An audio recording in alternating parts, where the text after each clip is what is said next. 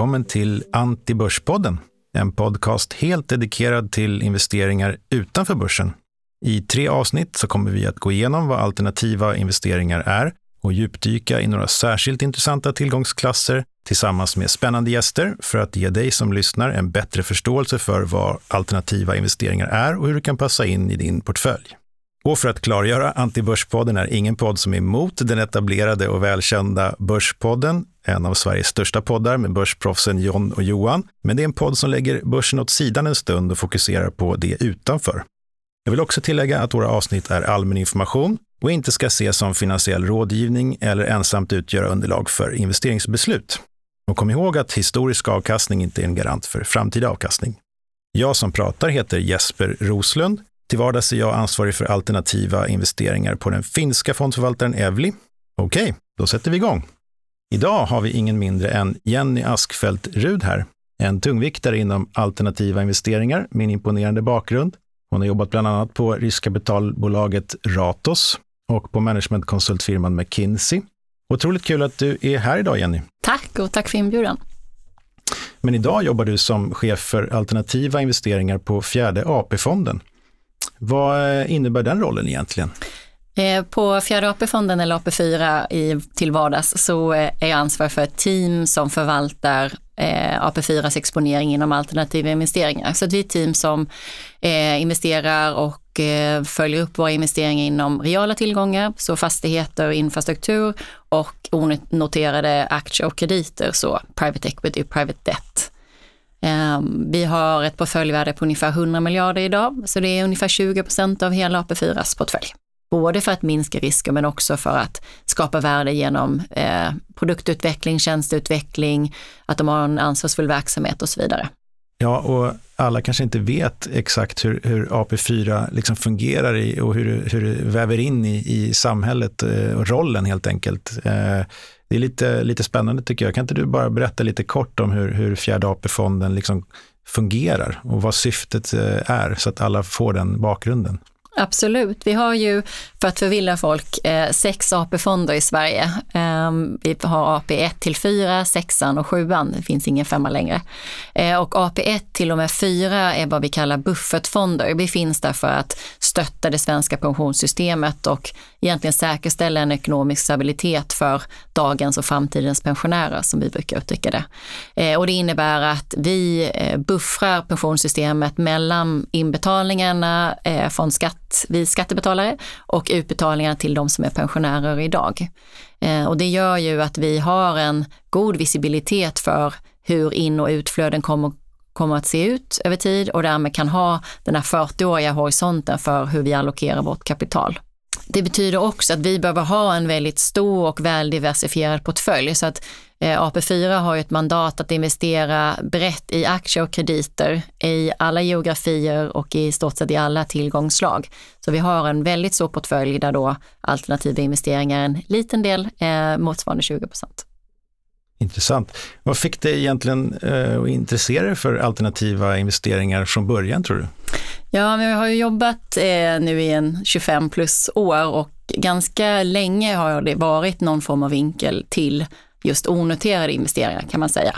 Eh, så förutom några hundår först i, i London så började jag sen jobba på en liten venture capital-firma just mot eh, tillväxtbolag som var onoterade och tyckte det som roll var väldigt spännande detta att få följa bolag, hjälpa till att utveckla dem, eh, var en jättespännande uppgift. Eh, men däremot så kände jag att jag hade ingen verktygslåda så då försökte jag skaffa mig det eh, på lite andra sätt. Så att du nämnde McKinsey, där var jag ganska länge och jobbade såklart tvärs i olika branscher men över tid med mycket fokus på ägarbolag på olika sätt.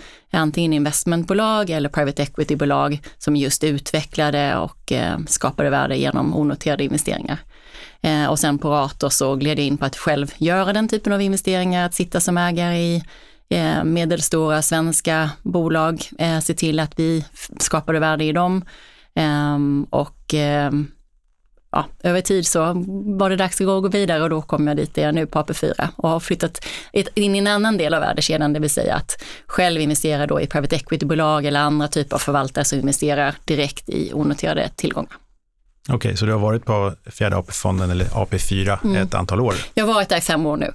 Ehm, så, och jag, varför jag tycker det är spännande just med onoterade investeringar för att man, man pratar ofta om att private equity-förvaltare till exempel skulle vara så kortsiktiga. Men det är klart jämfört med en pensionsfond som AP4 där vi har en 40-årig horisont så kan det verka kortsiktigt. Men typiskt sett så investerar man ju med en tioårig horisont.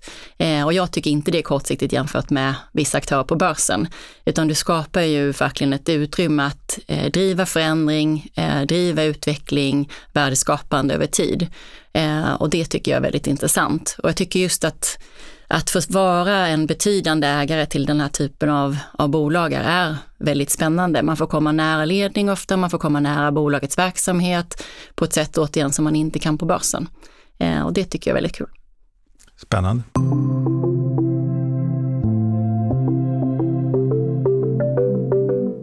Ja, som sagt, eh, idag ska vi grotta ner oss i alternativa investeringar, eh, varför man ska ha dem i portföljen, utmaningarna med dem och hur vi tror att utvecklingen för alternativa investeringar kommer att se ut de kommande åren. Men till att börja med kanske vi faktiskt ska definiera lite mer vad alternativa placeringar är. Enkelt uttryckt så kan man säga att det är finansiella tillgångar som inte faller inom ramen för de traditionella tillgångsklasserna aktier och räntor. Några exempel på alternativa tillgångsklasser kan ju vara då private equity, det vill säga när man investerar i bolag som inte är börsnoterade. Det kan vara allt från startups, tillväxtbolag och mer mogna bolag eh, som man köper ut från börsen och sen förädlar. Vi har private debt, eh, det är lån som ges ut till bolag av andra aktörer än traditionella banker. Fastigheter förstås, eh, infrastruktur, vilket är en form av real tillgång som eh, till exempel broar, vägar, hamnar, kraftverksanläggningar, telekommunikation, där man ofta har en statlig motpart eh, med långa avtal som gör att det blir väldigt säkra och stabila kassaflöden. Vi har skog och till sist eh, hedgefonder, en fondkategori med ett mycket friare mandat att agera än vanliga fonder. Sen finns det ju de som faktiskt lägger in en bredare tolkning och faktiskt tar in sånt som konst, antikviteter, vin, råvaror och så vidare. Eh, några gemensamma nämnare för den här tillgångsklassen är att de ofta är mindre likvida jämfört med aktier, det vill säga de går inte att köpa och sälja dagligen som en aktie. De har låg korrelation med aktiemarknaden, det vill säga de rör sig upp och ner oberoende av hur den övriga börsen går. Inte sällan så har de ett eh, så kallat inflationsskydd inbyggt. Och de senaste åren så har intresset för alternativa placeringar ökat kraftigt. Framförallt hos de institutionella placerarna Jenny, varför tror du att eh, intresset har blivit så stort på senare år? Jo, men jag tror precis som du nämnde, väldigt mycket i linje med det du lyfter som eh, fördelarna med alternativa investeringar. Det är också det såklart som institutionella investerare har sett. Om man tar eh, historiken nu, vi har levt i en lågräntemiljö väldigt länge. Man behöver leta efter avkastning på, i andra källor än traditionella aktier och krediter. Det har varit en stor drivkraft. Eh, jag tror också att eh, vad gäller just reala tillgångar, det inflationsskydd som du nämner har varit väldigt viktigt. Också för oss där man ju inom fastigheter kan investera i samhällsfastigheter, bostäder, på infrastruktursidan eh, har du också eh, långa kontrakt och eh, inflationsskydd. Så det är lite olika drivkrafter men framförallt letat efter avkastning, inflationsskydd, trygga placeringar eh, skulle jag säga. Mm. Ja, ni är ju verkligen en av Sveriges största investerare i, eh, i alternativa placeringar och, och eh, om jag läste rätt i senaste årsredovisningen så har ni ju eh, mer än 500 miljarder nu under förvaltning och som du sa i början där cirka 20 procent i, i alternativa vilket ger ungefär 100 miljarder. Så det är ingen liten portfölj. Nej. Men kan du inte berätta lite liksom hur ni jobbar med alternativa placeringar lite mer handgripligen eh, så man förstår hur det här kommer in i er portfölj lite mer? Mm, absolut. Eh, som du nämner, 20% på totalen. Om man tittar på fördelningen av den portföljen så är ungefär 60% fastigheter eh, och resten eh, är då fördelat i de här tre kategorierna infrastruktur, private equity och private debt. Och fastigheter har vi haft väldigt länge i portföljen. Eh, infrastrukturportföljen har vi byggt upp över de senaste fem åren och private equity och eh, private debt har funnits där eh, ja, en relativt lång period men vi har eh, lagt om strategin och skiftat om den ganska mycket under de senaste fem åren. Ehm, när det gäller fastigheter till exempel så har vi en väl etablerad plattform av investeringar som vi är väldigt nöjda med, som har avkastat väl, utvecklats väl och den planerar vi, planerar vi att fortsätta äga och utveckla. När det gäller infrastruktur, som sagt, det, har varit, eh, det är fortfarande i en uppbyggnadsfas. Där kan vi tänka oss att ha en större allokering eh, och där letar vi framför allt efter det här inflationsskyddet som vi pratade om. Eh, vi brukar kalla det segmentet core, det vill säga etablerade tillgångar som har väldigt långa kontrakt som fortsätter att ge en löpande avkastning och de kan vi äga över väldigt lång tid. Sen kompletterar infrastruktur också med eh, nybyggnad, det vill säga det man kallar greenfield-tillgångar, eh, kan vara vindkraftsparker under uppbyggnad till exempel eh, och även eh, lite mer riskbenägna infrastrukturtillgångar som kanske mer handlar om att bygga, eh, bygga ihop, konsolidera bolag och så vidare. Mm. Ehm, så det, det jobbar vi mycket med. Och sen på private equity-sidan kan man säga att vi har Eh, Eh, de onoterade aktierna ser vi som ett komplement till vår börsportfölj och det tror jag skiljer sig från en del andra institutionella investerare som ser just private equity som ett eget tillgångslag. Vi tänker aktier och så tänker vi att inom aktier finns det en onoterad del och där letar vi framförallt efter investeringar som vi inte kan hitta på börsen. Det kan vara skeden som du pratade om, väldigt tidiga tillväxtbolag. Det kan vara sektorer, det kan vara eh, tematiska investeringar eh, som där fundamenten drivs av förändringar i vårt samhälle eh, och där vi inte hittar den typen av bolag på börsen, då är det någonting som vi också gör i vår private mm. equity-portfölj. Och eh, när man tittar på ert eh, mandat för onoterat eller för alternativa tillgångar så ser man att ni har ett mandat att gå ända upp till 40 procent om jag läste rätt och, sådär. Har ni planer på att öka så att säga tillgångsklassens eh, storlek i helheten eller kommer ni ligga runt 20 procent tror du i, de, närmaste, de närmaste åren? Ja, när jag kom in då för ungefär fem år sedan så var det i samband med att man la om lagstiftningen och ökade upp möjligheten till onoterade investeringar väsentligt och det var ju en av attraktionspunkterna för mig då. Ehm, och då låg vi på ungefär 11 procent och sa att ja, men inom 5 till 10 år då ska vi nå de här 20 procenten. Ehm, och vi har investerat på i väldigt god takt, ehm, men vi nådde också 20 procent betydligt tidigare än vi trodde just för att börsen i övrigt har kommit ner så mycket som den har gjort.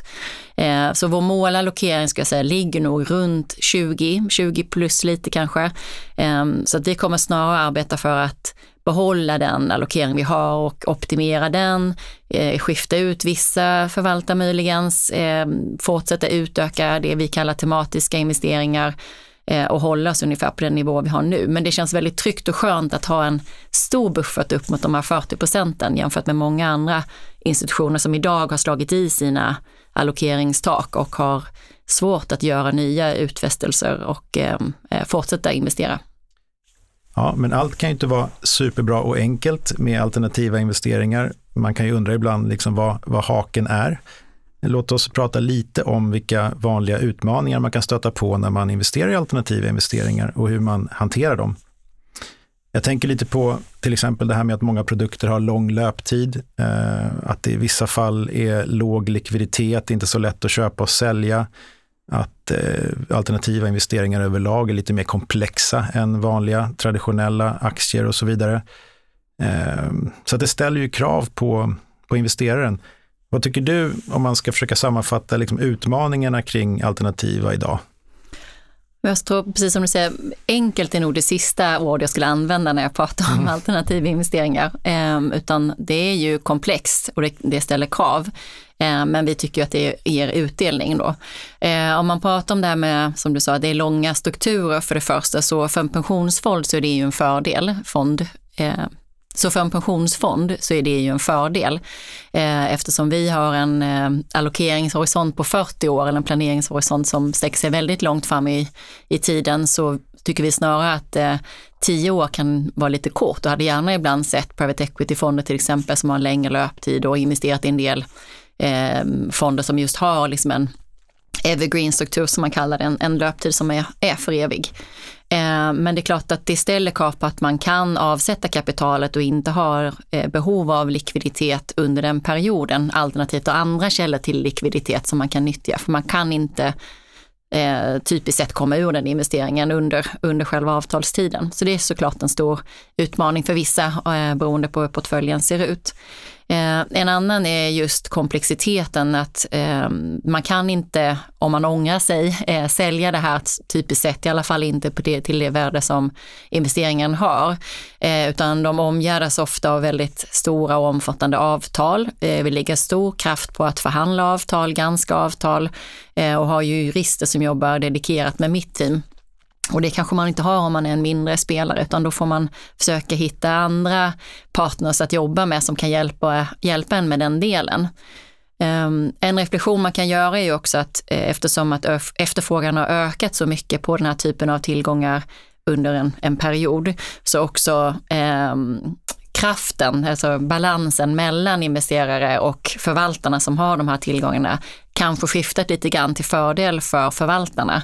Eh, så att vi har sett en hel del eh, tillskruvade villkor, tycker vi, där man eh, kanske inte riktigt eh, fördelar vinster på ett sätt som kan vara rimligt alltid. Eh, och det tycker vi är viktigt att uppmärksamma och försöka förhandla. Så att vi lägger som sagt mycket kraft på att säkerställa rimliga eh, villkor och eh, vad vi kallar alignment, det vill säga att man har samma incitament för investeringen. Eh, så att teamet som förvaltar investeringen vill samma sak som vi.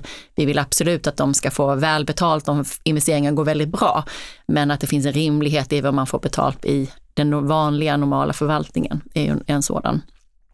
Um, mm. Så det är väl de två sakerna som vi lägger mycket kraft bak i alla fall. Sen mm. kan man också säga, vi kommer tillbaka till det, eh, tror jag, kring hållbarhet, men återigen om man låser in sig med väldigt långa investeringar så finns det ju alltid större risker kopplat till det. Eh, det går inte att sälja av en investering som eh, av olika skäl inte levererar vad gäller hållbarhet till exempel, eller Ehm, fastnar i eh, strandade tillgångar och så vidare, utan det kräver ju en kanske ännu mer gedigen analys inför att man går in i en sån investering.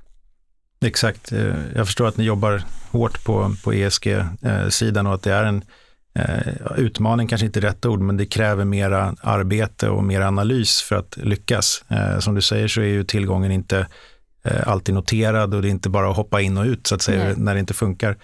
Så det är intressant. Och där, där, du pratade tidigare om det här med tematiska eh, investeringar. Är det här du menar med att eh, ni eh, väver in det i ESG-frågan lite grann?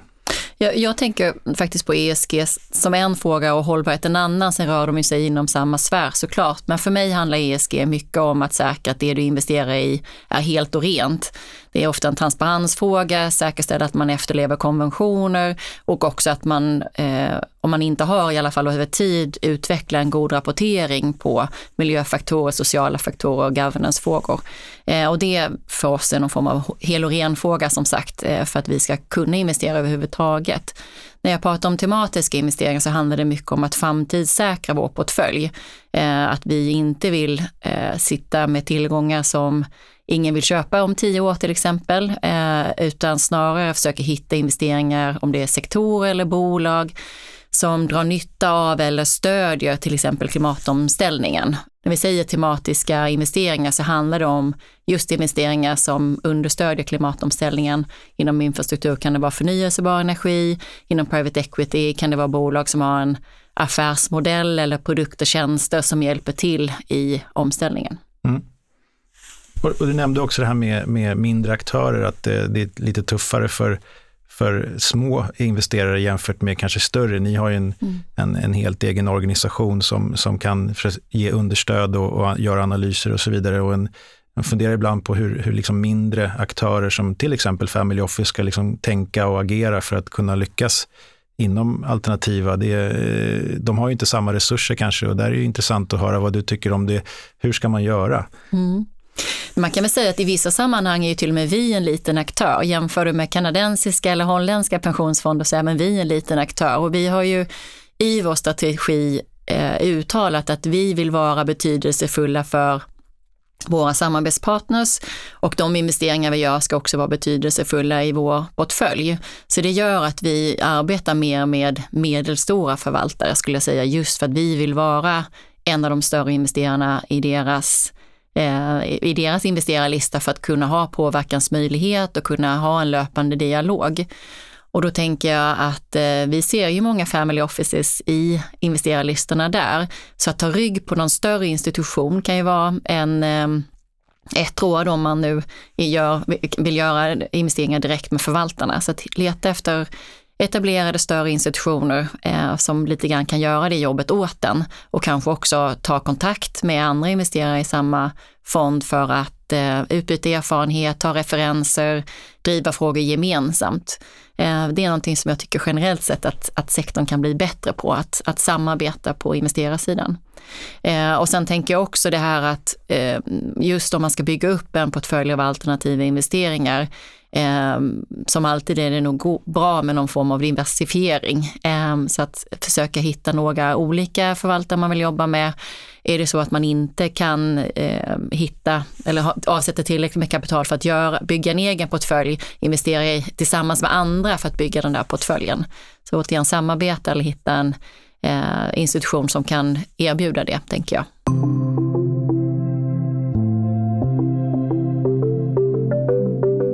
Nu har vi pratat om hur det ligger till med alternativa investeringar idag. Men eh, man kan ju fundera på hur utvecklingen kan se ut framåt. Jag tänker lite grann på trender och innovationer och sånt där som, som du säkert ser i din, i din position. Vad skulle, vad skulle du säga är liksom en eller några av de mest tydliga trenderna inom eh, alternativa investeringar just nu? Men jag tänker att en sak som har påverkat mycket är just det här att börsen i övrigt har stannat upp eh, och många av våra eh, industrikamrater eh, har slagit i sina allokeringar. Så det finns mindre kapital ute där eh, än vad det gjorde för bara ett eller två år sedan. Eh, och det påverkar ju förvaltarna. Eh, dels kan det påverka att vi får lite förbättrade förhandlingsmöjligheter, vilket är bra. Eh, men det vi ser är att eh, fondresningsprocesser, det vill säga när förvaltare ska ta in nytt kapital, tar mycket längre tid. Eh, även förvaltare som har levererat väldigt bra avkastning och så vidare har svårare att få in kapital.